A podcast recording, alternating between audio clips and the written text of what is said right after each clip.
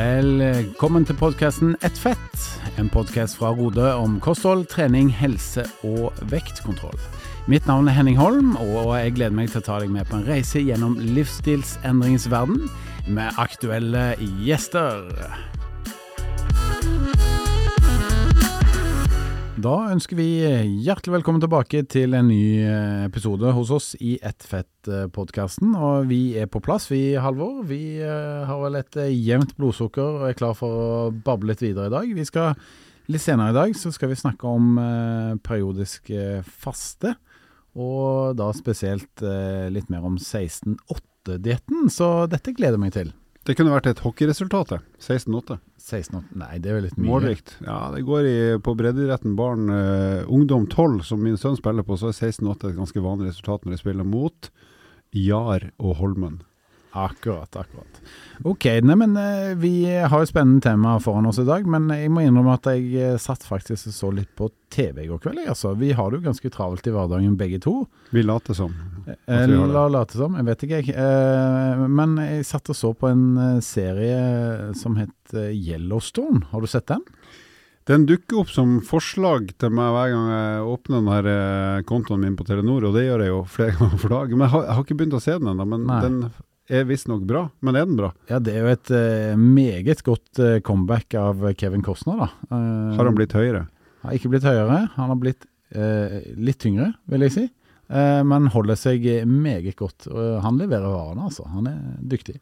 Ja, da skal jeg gi den en sjanse. For den som sagt, den dukker opp som anbefaling hver enda gang jeg skal inn og se på den. Ja, for det, den, den, serien den er litt sånn treig i starten, og du må jo like litt sånn litt macho spenning vil jeg vel si. Eh, men den er liksom Og de drar jo litt på, som de pleier å gjøre i Uniten. Det er en cowboyserie, sant? Det, det er en moderne cowboyserie. Det er egentlig sånn at du tar litt Ville Vesten, og så gjør du det til 2017, 18, 19, 2020. Og så er det samme spillereglene i et moderne samfunn. Men det du sier at den vokser på, det er litt sånn som at når du på ungdomsskolen skal lære deg å røyke, så er det vondt i fire måneder, så blir det litt godt etter hvert? Er det litt sånn? Jeg vet ikke, jeg har aldri røykt. Men kaffe derimot er nok et godt eksempel. Eh, kaffe er heller ikke godt i 50 første koppene, vil jeg påstå. Men plutselig så er du avhengig, ikke sant? Jeg skal prøve det. så gjelder å stå ned som en kopp kaffe. Nei, men jeg vil anbefale den serien. Jeg syns den er morsom. Og når jeg satte i gang med den vel i slutten av november, eh, så kom jeg gjennom de første episodene. Nå er jeg vel mer eller mindre ferdig med sesong fire. ja, men jeg solgt, eh, Du pleier å ha god smak på mine vegne, bortsett fra i klær, så da skal, jeg, da skal jeg teste det. Hva titter du på da? Nei, nå, jeg, jeg, ser jo på denne eh, serien på TV Norge som heter 16 uker i helvete. Jeg syns det er fascinerende og artig og interessant på mange måter. Så den følger jeg med en gang den legges ut i spilleren, så er jeg på der. Mm. Men eh, så er det jo vintersport, selvfølgelig. Så jeg ser helt hinsides mye vintersport. Så her forleden så hadde jeg fire timer alene som jeg tenkte at nå skal jeg ikke få med meg alt live. Sånn at jeg sparte opp både skiskyting og langrenn og skøyter, så jeg kunne sykle på sykkelrulla mi i tre timer og se på sport uten å vite utfallet fortløpende. Så det var tre nydelige timer på sykkelsettet med sport. Så du kombinerer altså TV- og strømmetjenester eh, med sykling, da. Det er det som er trikset? Det er mitt triks. Mm. Veldig bra. Jeg eh, har en eh, Hvis jeg skal by litt på meg selv, da, så må jeg si at eh, tilfeldigvis her om dagen, inne på NRK-appen som jeg har på TV-en min, så fant jeg eh, en litt sånn eh, Litt flaut å si, men en romantisk eh, slags serie som er norsk, som het Evig og alltid. Og den er da spilt inn i Sandnes, som er omtrent 11 km fra min hjemby Stavanger. Og det å følge disse unge menneskene i sin, ja, i sin litt kaotiske hverdag, det var sånn skikkelig sånn eh, Jeg fikk litt hjemlengsel, rett og slett. Det var bare sånn Rogaland-skuespillere, og det var, veldig morsomt å se på. Men det var kanskje fordi at jeg er litt sånn eh, Ja, det er fra mine hjemtrakter, da. Det høres ut som lokalradio på TV, det her. Ja, det gjør jo det. Men Den kommer jeg ikke til å se.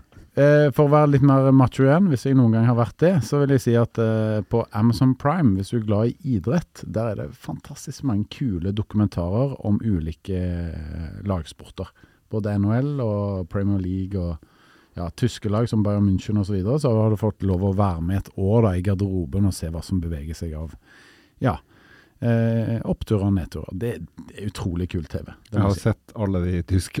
ja, det er dritbra. Veldig bra. Men vi har jo eh, faktisk to gjester i dag, Halvor. Ja, det er ikke verst. Ja. Eh, Karoline, du har jo vært sånn eh, fast gjest, mer eller mindre. Eh, Velkommen tilbake. Tusen takk. Karoline hun er jo da eh, ernæringsfysiolog og er kjempedyktig på de tingene som jeg og Halvor lærer mer om innenfor kostholdsverden. mm. Ja, alle de tingene vi ikke kan, og det er jo dessverre for oss ganske mye.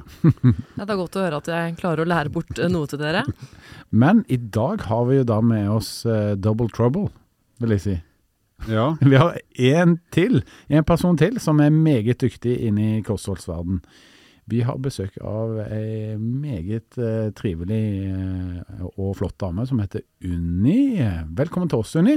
Tusen takk for det. Du, kan ikke du fortelle litt om deg selv? Ja, jeg heter Unni, og jeg har jo da jobba i Rode i eh, faktisk 18 år. Og mm, det som har fascinert meg, eller det som fascinerer meg veldig, det er jo nettopp det med kosten og det som har med, med kosthold og effekten på helsa vår. Mm. Så jeg har vært så heldig og fått jobba i Rode i 18 år, og da jobba med å bidra til, til at folks eh, Ja, hva skal jeg si eh, Det å hjelpe og støtte folk til en bedre helse og, og livskvalitet. Du er jo også kursleder, eller veileder, så du har jo folk eh, som du treffer ukentlig fortsatt, har du ikke det? Ja. Stemmer det. De siste fem årene har jeg også jobba som kursleder. Aktivkurs, som er min Altså det med å ha både veiledning, men òg trening i tillegg. Så det uh, syns jeg er kjempeartig. Mm. Veldig bra. Velkommen til oss. Og eh, til de av dere som noen gang har vært inne på eh, Rode og kikket litt, enten det er på hjemmesiden eller i appen, så ligger det jo veldig mange oppskrifter der. Du har lagt merke til det, Halvor? Jeg har sett at det er mange oppskrifter der, jeg har brukt Ja. fire av de. Ikke sant? Ja. Og Unni er jo da arkitekt blant, altså av veldig, veldig mange av disse oppskriftene, ikke sant? Ja da, jeg har utvikla ganske mange av dem, ja. Det har du. Mm. Er du glad i tomater, Unni? Ja, det er jeg. Kanskje mest cherrytomat, Ja. men, eh, men ja, absolutt. Hva med deg, Karoline? Liker du tomater òg? Alle varianter.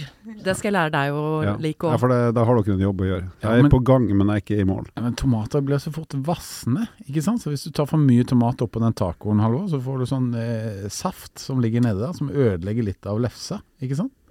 Dette gjør jo du med drue allerede, så dette går bra. Ja, men eh, Karoline, drua er jo innkapsla, ikke sant? Mens en tomat kuttes jo opp, og da kommer det ut Ja, dette er et problem altså, i forhold til tacoen. Men ellers er jeg glad i tomat. Mm. Tomatjus, drikker du det, Halvor? Nei, det er ekkelt. Selv i drinker er det ekkelt. For jeg har reist en del med sånn eh, et eh, nederlandsk eller hollandsk firma som heter KLM. Ikke sant? Og de serverer ofte tomatjus på flyvningene sine. Så noe ufrivillig så har jeg drukket noe Du har fått en. Bloody Mary, du vet det? Det er bra. Men eh, jenter, eh, hvordan er det med de- dere og sånne strømmetjenester og TV? Er det noe spesielt dere ser på om dagen? da? Jeg kan jo begynne, Unni. Jeg, dette har jeg jo lansert uh, før, at jeg er veldig dårlig på å slappe av når jeg er alene. Så jeg uh, ikke spør meg om en serie, jeg kan ingenting. Men uh, jeg er veldig glad, i likhet med Halvor, sport. Uh, jeg syns du driver litt, driver litt ekstremsport ved å ikke følge det live. For det er livsfarlig når man har VG-apper og Dagbladet-apper og sånn rundt seg. Så det kan du lære meg kanskje, å ikke få med seg sånne ting live. For det, sånn tør ikke jeg å drive med. Ellers er jeg uh, Jeg syns sånn som du også ser på 16 ukers helvete, litt mer sånn reality-greier, det syns jeg er gøy. Inntil et visst nivå også, vel å merke. Når 71 grader nord-sesongen begynner, da er, jeg, da er jeg på. Og det er jo min store drøm, å få være med der en dag. Oi, oi, oi. Kanskje vi skal sende inn en søknad på hennes vegne? Du er jo snart kjendis. Nå har du vært i VG så mye at uh, nå må du snart bli innkalt. Og Dagblad.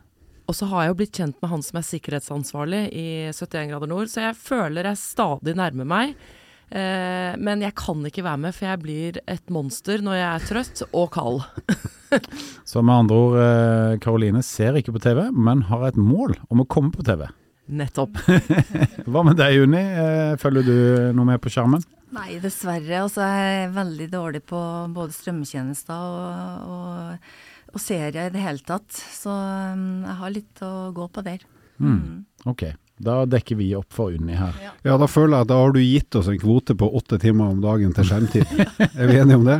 Da tar vi din kvote. Prøver å få med meg hver gang vi møtes da på lørdagene. Ja, Og, er Hver gang vi møtes? Det er et vakkert program. men det er jo ikke akkurat uh, serie. Du får ikke noe av min sportskvote da, Halvor. Nei da, men hvis jeg får åtte timer daglig av Unni, så går det akkurat.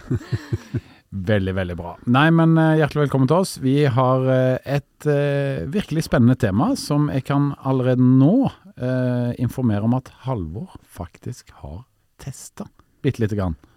Så nå skal vi snakke om periodisk faste og 16-8-dietten rett etter dette her. Hei, dette er Henning fra podkasten Et fett. Visste du at Rode nå har lansert et medlemskap? Med medlemskapet så kan du gå ned i vekt, holde på vekten, eller rett og slett bare kontrollere at vekten ligger der han skal. Så ta en titt på hjemmesidene våre på rode.com. Velkommen til oss. Yes, eh, periodisk faste er jo noe vi ser eh, at omtales mye av, både i medier og sosiale medier. Og eh, i denne episoden her, og egentlig også i neste episode, eller en av de kommende episodene våre, så skal vi diskutere da eh, 16-8-dietten og 5-2-dietten. Og dagens eh, tema da, det er 16-8-dietten. Eh, Kan du fortelle litt om den her, for eh, de av lytterne våre som ikke har hørt om den før? Ja, da ser du på meg, og jeg er jo ikke noen ekspert på det her, så nå skal jeg bare forklare det jeg har satt meg inn i, og så må Unni og Karoline bare legge til her. Men periodisk faste sånn generelt er vel et spisemønster der du bytter på perioder med spising, altså der du rett og slett spiser, og så har du lengre perioder, sånn som 16-8 i et døgn, der du ikke skal spise i det hele tatt, altså avstå fra matinntak. Og så vidt jeg har skjønt, så altså, er periodisk faste sånn sett, har ikke noen regler på hva du skal spise, men det er mer når du får lov å spise eller skal spise. Eh, så finnes det jo masse variasjoner av periodisk faste, der du deler opp dagen i ulike perioder, og så har du andre varianter som er enda tøffere enn det, som vi kommer tilbake til eh, på en senere podkast, nemlig 5.2. Så denne 16.8-varianten, den er jo egentlig sånn som jeg har praktisert den eh, i det siste. Det er jo at du rett og slett avstår fra å spise mat i 16 av døgnets timer. Så for min del, som da har testa ut det her, så har jeg latt være å spise frokost. Så har jeg spist lunsj ca. klokka tolv. Og da, fra startskuddet går klokka tolv, så har jeg åtte timer på meg til å spise det jeg trenger resten av døgnet. Så da har jeg avslutta matinntaket mitt klokka 20.00, eller egentlig for å være ærlig kvart over åtte da, på kvelden. Da har jeg liksom brukt åtte timer fra tolv til klokka 20 til å spise det jeg trenger, og så spiser jeg ikke igjen før da lunsj dagen etterpå. Det har jeg da testa ut eh, i noen dager i det siste. Ja, og det er viktig å ta med seg som et bakteppe at eh, mennesker har jo da drevet med fasting i flere tusen år. Så tilbake i urtiden så var det vanlig for f.eks. da, kanskje en sånn type som deg, Halvor, en jeger, å måtte gå lange perioder uten tilgang på mat. og, ikke, og uten å treffe noe. fordi ikke, det, det var, var noe bytte å spise av, rett og slett. Så mennesker er dermed biologisk utformet til å håndtere lange perioder uten tilgang eh, på mat. Så må jeg skyte noe som far til tre gnagere, at jeg ser jo at denne 16-8-dietten, eller noe som ligner, er ganske populært blant i hvert fall unge folk. Eh, og ser også at en del i det vi kan kalle trenings-fitness-miljøet også eh, holder på med noe som ligner på det. Men det her kan sikkert Unni eller Karoline si litt mer om hva utbredelsen og hvor populært det er. Ikke sant? Skal vi, skal vi altså 16-8-dietten da, for eksempel. Hva er fordeler med, med dietten? Skal vi slippe til deg på, på den, eh, Karoline? Det kan du få lov til. Eh, nå har vi jo snakket om, jeg vil bare spole litt tilbake først og snakke om eh, det dere har vært inne på, det at fasting er jo en av de eldste formene for diett. Men eh, i gamle, gamle dager så var det jo ikke for å gå ned i vek, vekt, men for å renske kroppen. Og det er jo det som er hele tanken bak eh, dette her med å faste. Fordi mange av kroppens biologiske reparasjonsprosesser de eh, foregår når kroppen er i hvile og ikke travelt opptatt med å fordøye maten. Så det er litt av bakgrunnen eh, for det. Mm. Og det, det, det, er vel kanskje én ting til, da. Og det er at uh, den tilgangen vi har på maten nå i overflodssamfunnet, sånn har det ikke vært i tusenvis av år. Sånn har det absolutt ikke vært uh, før, nei. Så for noen så kan dette her være et godt hjelpemiddel for å begrense da spisingen når vi er konfrontert med det og bombardert med det hele tiden. Mm. som Halvor var inne på, så spiser man jo da innenfor et bestemt antall timer på dagen. Man kan velge selv hvilke timer man spiser innenfor. Det vanligste er kanskje sånn fra 11 til 7 eller eh, et eller annet sånt nå. Det som er det fine med akkurat denne dietten her, er jo at det er mer fokus på, som du sa, hva man skal spise, framfor Eller nei, unnskyld, framfor Altså fokus på når du skal spise, framfor hva du skal spise. Uh, og den er ikke så streng da på hva du skal spise. Uh, og det som er uh, en fordel med denne dietten her, er jo det at mange sliter med å gå ned i vekt, altså hvis man skal bruke denne dietten for å gå ned i vekt. Eh, mange sliter med å, å, gå ned i vekt fordi det er spisingen på kvelden som gjør at de uh, går opp i vekt, rett og slett. Men her fjerner man Man eliminerer rett og slett denne ulempen, fordi at klokka sju så er det stopp. Og det er jo veldig ofte det som foregår etter klokka sju, som gjør at man får i seg de ekstra kaloriene og eh, legger på seg, rett og slett. Mm. Så det var én fordel. Da må jeg bare skyte inn at akkurat det kjenner jeg meg igjen i fra mitt lille forsøk. Jeg er ikke representativ for annet enn et lite tulleforsøk. Men det at jeg på en måte blir tvunget til i gåseøynene å slutte å spise klokka åtte, betyr at da lar jeg være å spise all den møkkamaten jeg vanligvis spiser fra klokka ni til halv elleve, når jeg sitter og ser på mine altfor mange timer foran skjerm. Så da, så lenge jeg klarer å forholde meg til det, så unngår jeg egentlig bare den drittmaten jeg egentlig ikke trenger, men som er veldig digg å kose seg med. Og så er det ikke rart, fordi man kan jo også prøve å si til seg selv at man skal slutte å spise klokka sju om kvelden, men da må du virkelig jobbe med viljestyrke. Men hvis du har en sånn konkret plan å holde deg til, du, du får ikke i gåseøyne lov å spise etter klokka sju, så er det mye lettere. Det er sikkert ganske enkel psykologi, men eh, sånn er det nå. Men så har vi jo også etter hvert fått mer og mer forskning på dette her med intermittent fasting, altså periodisk faste. Og eh, viser jo det at først og fremst er det jo veldig effektivt i forhold til vektreduksjon. Når det er sagt, så kan man også gå på slike faste dietter uten å ha mål om å gå ned i vekt, men for å rett og slett eh, fokusere på disse reparasjonsprosessene. Men det er også da effektivt for å gå ned i vekt.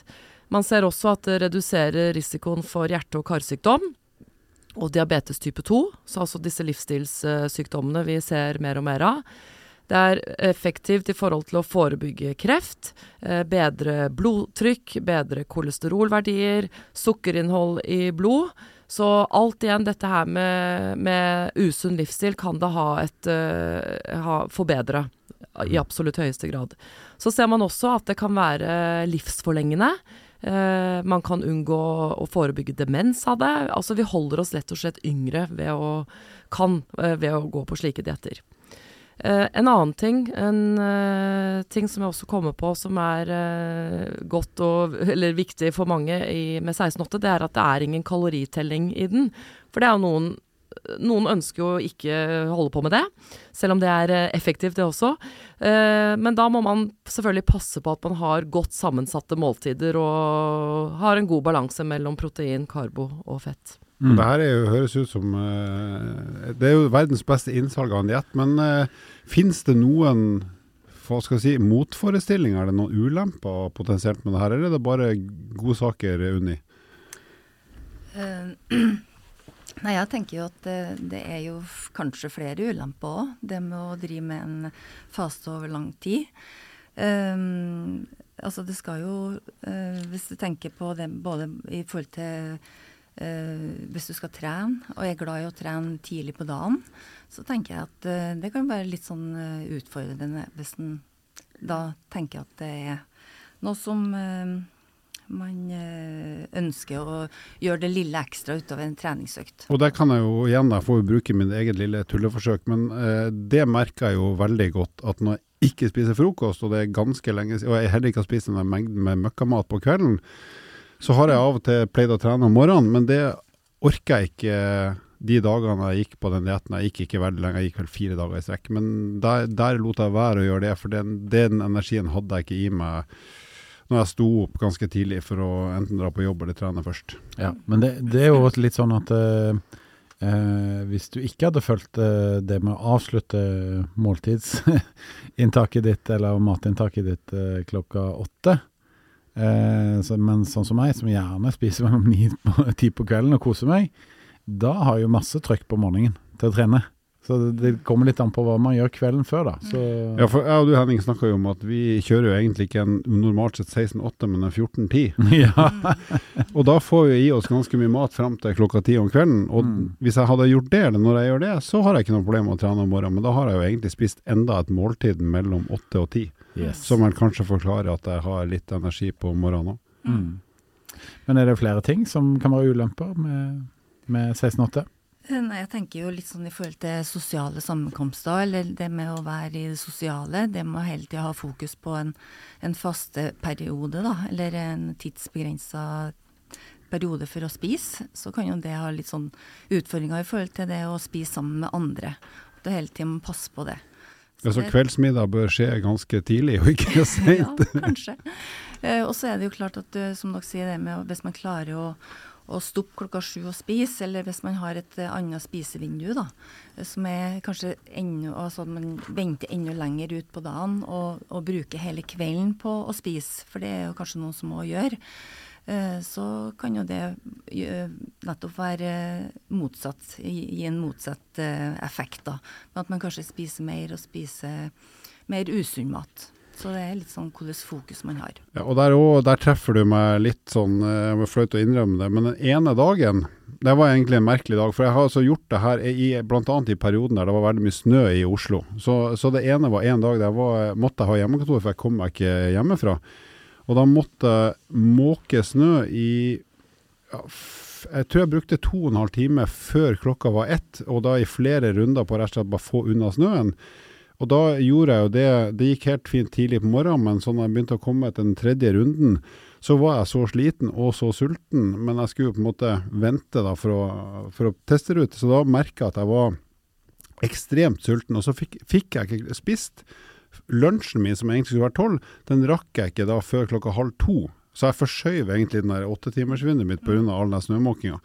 Men da forskjøv jeg jo også utover kvelden, og da var jeg tilbake igjen i at eh, siden jeg da fikk lov i gåsehudene til å avslutte det blir vel halv ti, så endte jeg opp med at siste måltidet var typisk eh, godteri, møkkamat, som jeg jo ofte gjør på kveldstid. Altså at jeg klarte ikke å Hadde jeg stoppa klokka åtte, så hadde jeg nok spist et skikkelig bra måltid eh, næringsmessig som det siste, men nå ble det tilbake igjen til det her eh, drittmaten fordi at jeg avslutta så seint, og begynte så seint. da.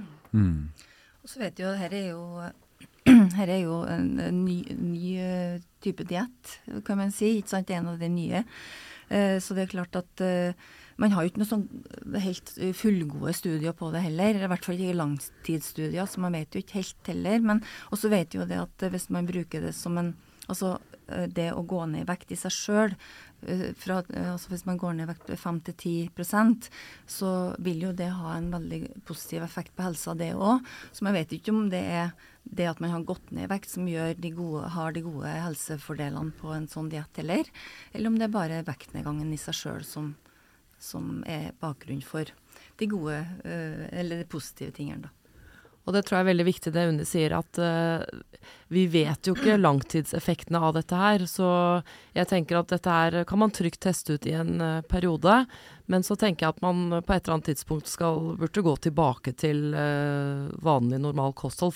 Forhåpentligvis da med noen forbedringer, da, hvis man, man, har hatt et ønske om å gå ned i vekt. Men jeg vil bare plukke opp én ting til, Halvor. For du sa jo det at du har merket at flere unge utforsker dette her. Og da vil jeg bare si med en gang at det frarådes at unge uh, går på slike fastedietter. De er Nå vet jeg ikke hvor unge du snakker om, men de er jo i vekst og skal utvikles osv. Så, videre, og så, videre. så det er viktig at de får i seg tilstrekkelig med sunn og næringsrik mat, og ikke begynner å utforske sånne ting som, som dette er. Nei, jeg ser jo i nærmiljøet, og nå er ikke jeg noe Jeg er jo far, men jeg, jo, jeg ser jo hva venner til ungene mine gjør, og andre miljøer der jeg både i idrett og andre. Og jeg ser i hvert fall at det er i hvert fall helt ned i ungdomsskolealder at uh, relativt mange i hvert fall holder på med et eller annet som ligner på periodisk fasting. men Men det er jo som dere sier, at de har jo ikke en god, åpenbart ikke en god nok forståelse av ernæring som gjør at måten de gjør det på er nok veldig Det er verken rigid eller spesielt strukturert eller godt planlagt. Så jeg er ganske sikker på at eh, de ikke at det ikke er en optimalt kosthold for en, et ungt menneske som er i vekst og som skal klare å holde fokus både på skole og andre ting. Ja, det er skumle greier. Da håper jeg de har foreldre som ser hva barna driver med, og som kan uh, uh, komme med noen uh, konstruktive råd. Det vil jeg også si, da, at um, som en ulempe med, med, dette kostholdet og fasting generelt, for foreldre som har små barn, det å stå fram som en god rollemodell, som jeg har vært inne på på tidligere podkaster også, hvor Uh, hva signaliserer du til barna dine hvis du sitter der og spiser og nekter å spise etter klokka sju om kvelden, ikke sant? Og enda verre er det vel med 5-2-dietten hvis du bare skal spise 500-600 kilokalorier på én dag. Vi vet jo det at uh, vanene til barna de dannes i ungdomsårene, og det er viktig da at de får med seg gode kostholdsvaner uh, som de tar med seg inn i, i, alderen. Og da er jeg i hvert fall som småbarnsmor veldig opptatt av at barna skal få gode, sunne, normale vaner fra, fra tidlig alder. Det her skulle jeg tenkt på før, kjenner jeg. Men vi må jo si det at jeg, jeg, jo, jeg, spiser jo stort sett ikke frokost på ukedagene. Det, det er veldig sjelden. Um, men i helgene så spiser jeg alltid frokost. Og det har liksom med familielivet, da, for å si det sånn. At uh, det er litt rart hvis pappa ikke skal kose seg da med rundstykker og egg og grønnsaker, som har kommet på bordet i senere tid. Men selv om du ikke spiser frokost i ukedagene, tror jeg du er en god rollemodell for det. Jeg er veldig sikker på jo, det. Jo, men det jeg skulle si er at det, liksom, det, handler jo om summen av det du gjør, da. Ikke sant? Så hvis eh, barna henger med oss i familien, så er det jo både middag og kvelds og flere måltider. Og aller helst sammen, da, som, som jeg er veldig glad i. Ja, for jeg tenker jo at uh, maten har jo forskjellige roller, altså kosten. ikke sant? Det ene er jo det sosiale, som egentlig har utrolig mye å si. Uh, og det viser jo studiet òg, det med, den mentale helsa vår. Det med å samles rundt et godt måltid og, og, og spise sammen. Hvor viktig det egentlig er. Mm. Og så har du jo ikke sant, det med at kroppen har behov for, de, for en rekke næringsstoffer eh, som, hver dag. Uh, og ikke minst det at det skal smake godt og gjøre godt og se godt ut. Så jeg tenker at den matgleden eh, har jo veldig mye å si for, for det totale her. Henning sa litt om hvordan han spiser. Jeg kan jo si det at en normal dag for meg, altså en hverdag som da ofte er stillesittende kontorjobb, eller hjemmekontor, da spiser som regel ikke heller frokost, rett og slett for at jeg har spist så mye på kvelden at jeg er, jeg er ikke sulten, rett og slett. Men så er jeg veldig glad når lunsjen kommer.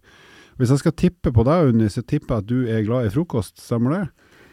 Uh, ja, jeg spiser frokost. Uh, du bekjenner dine synder? Jeg, jeg, men jeg kjenner at jeg, det gjør meg veldig godt. Og da uh, føler jeg at jeg får gjort det jeg skal fram til lunsj. fordi at hvis jeg ikke har spist frokost, så hadde jeg egentlig tenkt på at jeg, å, hvor sulten jeg var fram til lunsj. Og da har fokuset vært på det. Så det med konsentrasjon, det at man føler at man er mer konsentrert, har mer overskudd, og ikke minst at jeg kan ta den treningsøkta på morgenen og liksom kjenne at jeg får yta det jeg skal da. Så mm. for meg så er det viktig. Nå ble jeg litt nysgjerrig, Halvor. Nå du så på Unni og antok at hun spiser frokost. Er det en sånn evne du har? Bare Kunne, spiser jeg frokost, Halvor? Jeg ser tvers igjennom folk. Jeg tror at du, Karoline, som regel ikke spiser frokost. Men du har et så godt uh, måltidsmønster og innholdsmessig god mat at du har ingen problemer med det. Terningkast seks. Ja, du, det får ingen, men du får et veldig høyt terningkast. Og du trener jo også som Unni mm. regelmessig, så du, du, kan jo det her. Så dere, dere, fikser jo det her selvfølgelig med individuelle variasjoner. Men spiser du frokost? Jeg gjør ikke det. Nei. Ja, ikke på helgene heller? Jo, i helgene gjør jeg det, men da blir det ofte frokost når jeg egentlig spiser lunsj. Ja, ikke sant. Og det er jo egentlig litt ålreit. Men det er egentlig Det var noe jeg skulle si her som bygger litt på det Unni sa i stad, med å spise, få i seg dette med matglede og få i seg næringsstoffer og sånn. Altså jo mindre spisevindu man har, eh, noen har jo enda mindre spisevindu enn åtte timer, jo vanskeligere er det å få i seg og få dekket behovet for kroppens næringsstoffer. Så da er det jo viktig at man klarer å ha en oversikt over det. F.eks. at man registrerer maten man spiser i en app sånn som vi har f.eks. For, for å få oversikt over hvor mye mat man faktisk får i seg, og man får dekket uh, næringsstoffer. F.eks. kalsium, fisk uh, osv. osv. Apropos det, det tenkte jeg på når jeg drev på med det her sjøl nå nylig. Er det da et poeng, hvis man er usikker på om man får i seg nok næringsstoffer, vitaminer og mineral, er det da et poeng å ta tilskudd, altså noen tabletter med vitaminer og mineral, eller er det bare en sånn falsk eh, forsikring som egentlig ikke er god nok i forhold til å spise ordentlig mat? Nei, jeg tenker jo at uh, Det vi vet, da, er at hvis en uh, går på en meny da, på rundt 1500 kalorier eller lavere, så bør en ha et uh, multivitamin mineraltilskudd, og jerntran i tillegg. Så jo, jo, mindre man spiser, jo, jo, viktigere er det faktisk å få et uh, tilskudd. Jeg mener jo Karoline nevnte for oss at vi burde innta tran. Ja, hun for sa det. Uker siden. Ja, og så fikk jeg kritikk for at uh, jeg ikke spiste nok uh, fisk i lunsjen, da. Som jeg tidligere har påstått. Men det hører vel med at Rode har uh, flytta. Og den, i den tidligere kantina så var det veldig stor tilgang på både knekkebrød, grønnsaker og ja, da makrell i tomat og laks. Mens i kantina her vi er nå, så er det veldig god tilgang på grønnsaker.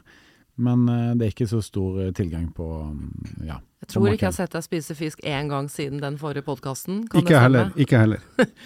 Jeg har gjort det hjemme, da. Men, men, eh, jeg, jeg, skjønner det at jeg må hive meg på Snapchat og dokumentere dette her for å få litt troverdighet inn i ett fettgruppa. Men januar, dere, eh, og februar og mars, hva skal vi gjøre i de månedene? Måned med en R i seg.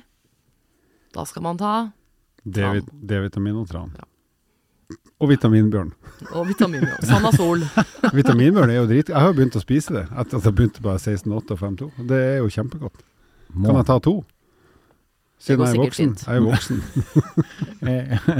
det er vitaminbjørnene. Jeg har hatt noen unger som når de var veldig små, som har spist opp hele den eska. Det, det var ikke så hyggelig etterpå. Nei, og det, det, som er av vanlige, vannløselige vitaminer der, vil jo bare gå rett ut. Så to stykker, Halvor, det, det er greit. Takk, bra. Nei, men eh, nå har vi jo eh, debattert i, i, både den ene og andre retningen for å se litt på denne 16-8-dietten. Men um, hvem passer egentlig denne her dietten for? Vi har jo snakket litt om hvem man ikke passer for. Uh, men hvem kan man passe for? Ja, godt spørsmål, egentlig. Jeg tenker at uh, det passer for dem som uh, har et liv og en motivasjon som tilsier at dette her er mulig. Og da er det absolutt en metode for å oppnå både bedre helse og vekt. Men det er jo en relativt streng ikke, Altså 16,8 er ikke så streng. 15, eller 5,2 som vi snakker om i en annen podkast, det er strengere. Men det krever litt litt motivasjon og en, hva skal jeg si, en litt spesiell type livsstil da, for å få til dette her. Og så er det viktig å merke seg at dette er ikke noe quick fix. Hvis man bruker det for å gå ned i vekt, så er det ikke noe quick fix. Det er eh, både 16, 8 og 5, 2. Da går du rolig ned i vekt. Eh, egentlig eh, samme, i samme tempo som vi gjør hos oss her hos Rode, med moderat energiunderskudd. Altså, jeg har jo snakka litt med folk jeg kjenner som enten gjør det nå eller har prøvd det litt før. og så viser seg vel der som alt annet at det at du bare i gåsene spiser åtte timer i døgnet, betyr ikke at altså eter du da mer, altså inntar mer kalorier enn du bruker, så går du jo opp i vekt. altså Det i seg sjøl å bare spise i åtte timer betyr ikke at du går ned i vekt, men mindre kaloriinntaket er lavere enn forbruket. Så det er liksom ikke fritt vilt til buffeen åtte timer. Man må beherske seg. Og det er et veldig viktig poeng, for hvis man bruker dette her for å gå ned i vekt, da er det viktig å passe på at man spiser sunt når man spiser, og ikke ha for mye av tomme kalorier og, og, og vi, altså, hvit, altså usunne karbohydrater, og at man spiser grovt, proteinrikt eh, osv. Mm. Men for å være litt sånn kritisk, da, er det, kan man si at det, det er litt sånn litt latmannsprinsipp, da? Altså bare hvis jeg følger dette her, så funker det. Men det er jo mange fallgruver her. Da. Det er jo, altså, det er godt mulig Si at jeg forbrenner 3000 kalorier da, eh, i løpet av en dag. Det er godt mulig å spise 4000 eller 5000 kalorier, selv om jeg spiser innenfor det vinduet her. Så bare det at du følger det overordna prinsippet, det er jo ikke nok i seg selv. Absolutt ikke. Men noen trenger da en sånn litt sånn streng ramme for når de skal spise og når de ikke skal spise, eller hvor mye de skal spise, eller ikke sant. Noen trenger den. Mm. Og så må man som alltid, man må jo gjøre en jobb selv også. Det skjer ikke av seg selv at man går ned i vekt, selv om man bare følger en uh, litt streng uh, tidsramme. Mm, altså ramma er ikke nok i seg selv, altså. Nei, og så tenker jeg at uh, eh, mange som kanskje følger den dietten, eh, spiser én eh, eller eller to måltider. Og det er klart at det er jo Da blir det jo ganske kaloririke måltider. Og det vi eh, opplever på rodekurs i hvert fall, det er det at eh, mange av våre deltakere spiser nettopp én eller to store måltider. Men eh, med at de da går over til noen flere regelmessige måltider gjennom dagen, så har de større, altså mer kontroll på porsjonene sine. og og ikke minst eh, eh, mer eh, jevn, på en måte, jevnt påfyll. Og, og, og, det er en suksessfaktor òg for veldig mange av våre deltakere. Ja, for det som vi kanskje ikke har diskutert når det kommer til dette, det er det der, hvis du da ble gående litt lenge, sånn som Halvor sa da. Han en, var jo da eh, forlenga perioden, litt ufrivillig, at du gikk helt til halv to før du spiste. Og, og da liksom det, da blir du så sulten, og du har det der suget etter mat som er helt sånn desperat, da. Da er det ikke like lett å, å holde seg selv i kinnet og ikke spise for mye. Jeg kan jo da, siden jeg har snakka litt om hvordan det var, og igjen, det er ikke noe rørende case, men den lunsjen der, som da ble klokka halv to, ikke klokka tolv, etter å ha mokka mye snø, jeg hadde vært i fysisk aktivitet i timevis, da spiste jeg først en Grandiosa, for den satte jeg i ovnen mens jeg mokka. Uh, som jo ikke er imponerende i seg sjøl, verken næringsmessig eller ellers. Men etter det så var jeg fortsatt veldig sulten, så da spiste jeg, tror jeg hadde ti eller elleve knekkebrød med hvitost og paprika, da, det trekker jo litt opp, før jeg opplevde at nå er jeg mett. Sånn at det ble jo et megamåltid som egentlig skulle vært en god lunsj, men ikke noe mer enn det. Som, som kanskje illustrerer at i hvert fall for noen det her å vente for lenge, så blir det så mye at det blir kanskje for mye. Vet du at vi anbefaler å tygge hver bit 20-25 ganger? Gjorde du det med den Grandiosaen? Jeg lover deg at jeg ikke gjorde. jeg tror jeg tygde en hel Grandiosa, totalt 30 tygg på hele Grandiosa. Jeg tror han tok ikke rart du ikke ble mett.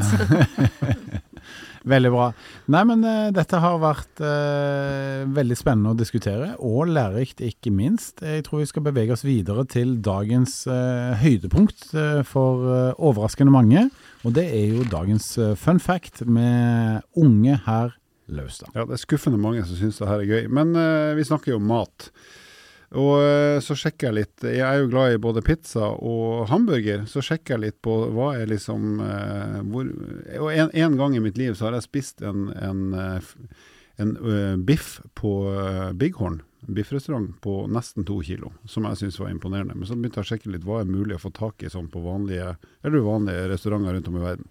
Og da fant jeg ut at verdens største kommersielt tilgjengelige hamburger, dvs. Si altså som kan bestilles av hvem som helst som har giddet å betale for det, den, er, den, kan kjøpes selvfølgelig i USA, på en eller annen eh, grillrestaurant i Oregon. Og den koster Jeg kan si hvor mye han veier først. Altså Den hamburgeren som du da kan bestille, den veier 350 kilo. Eh, og den koster da 5000 dollar, som blir hva blir det, 50 000 kroner eller noe sånt. Og husk på det, det er ikke sånn at du setter deg ved bordet og tenker nå skal jeg bare ha den 350 kilos-burgeren, og så blir han servert et kvarter etterpå. Da må du bestille to døgn i forveien før den blir spiseklar. Så det er Jeg satt og bare tenkte på hvor, hvor stor er den burgeren, og jeg regna ut at den er vel omtrent like stor som toalettet jeg hadde på min studenthybel på 90-tallet. Så det er ganske svære greier. Mm. Og hvor mange kalorier er den, da? Ja, det sto ikke noe om, det må være enormt. det måtte være USA. Det, det er sikkert family size. Det var jo 350 kilos burger, 50 000 kroner. Jøss. Yes. Det, det, må jeg si. Det er ikke en økonomi i burger. Du Tenk deg hvis du sitter ved bordet og venter i to døgn på å få servering, hvor mye du må drikke da bare for å holde praten i gang og liksom vente. Det er jo rått. Men har vi noen eksempler på noen som har spist denne, faktisk? Eh, det, det, er i hvert fall eksempel på at uh, den er blitt bestilt flere ganger, men jeg håper jo at den er spist av flere før den råtner opp. Mm. Veldig bra. Tusen takk for det, Halvor. Du, og, du slutter ikke å overraske med spennende fun facts. Jeg gleder meg allerede til neste uke. Og med det så eh, skal vel runde av denne episoden her. Eh, vi sier tusen takk for besøket til våre eminente eksperter som har vært innom studio her i dag. Og så minner vi om å følge Rode på sosiale medier, og ikke minst eh, stille spørsmål hvis du har det, inn i Facebook-gruppa som heter podkasten Et fett. Og Hvis dere følger oss der, så kan dere stille spørsmål som vi enten tar opp i sendinga, eller så vet vi at Karoline hun er utrolig god til å svare på innspill og spørsmål i den gruppa. Så enten får dere svar i gruppa, eller så tar vi det opp som tema i podkasten. Yes. Bra. Da sier vi takk for uh, følget for denne gang, og så høres vi, eller prekes, igjen neste uke. Takk for oss. Ha det. Takk for at du lytta på nok en episode med podkasten Ett fett. Dersom du er interessert i å lese mer om uh, livsstilsendring, gå inn på Rode-magasinet på rode.com. Vil du stille oss spørsmål som vi kan diskutere i en episode, ikke vær redd for å sende inn på Facebook eller Instagram hos Rode. Til neste gang, vi høres.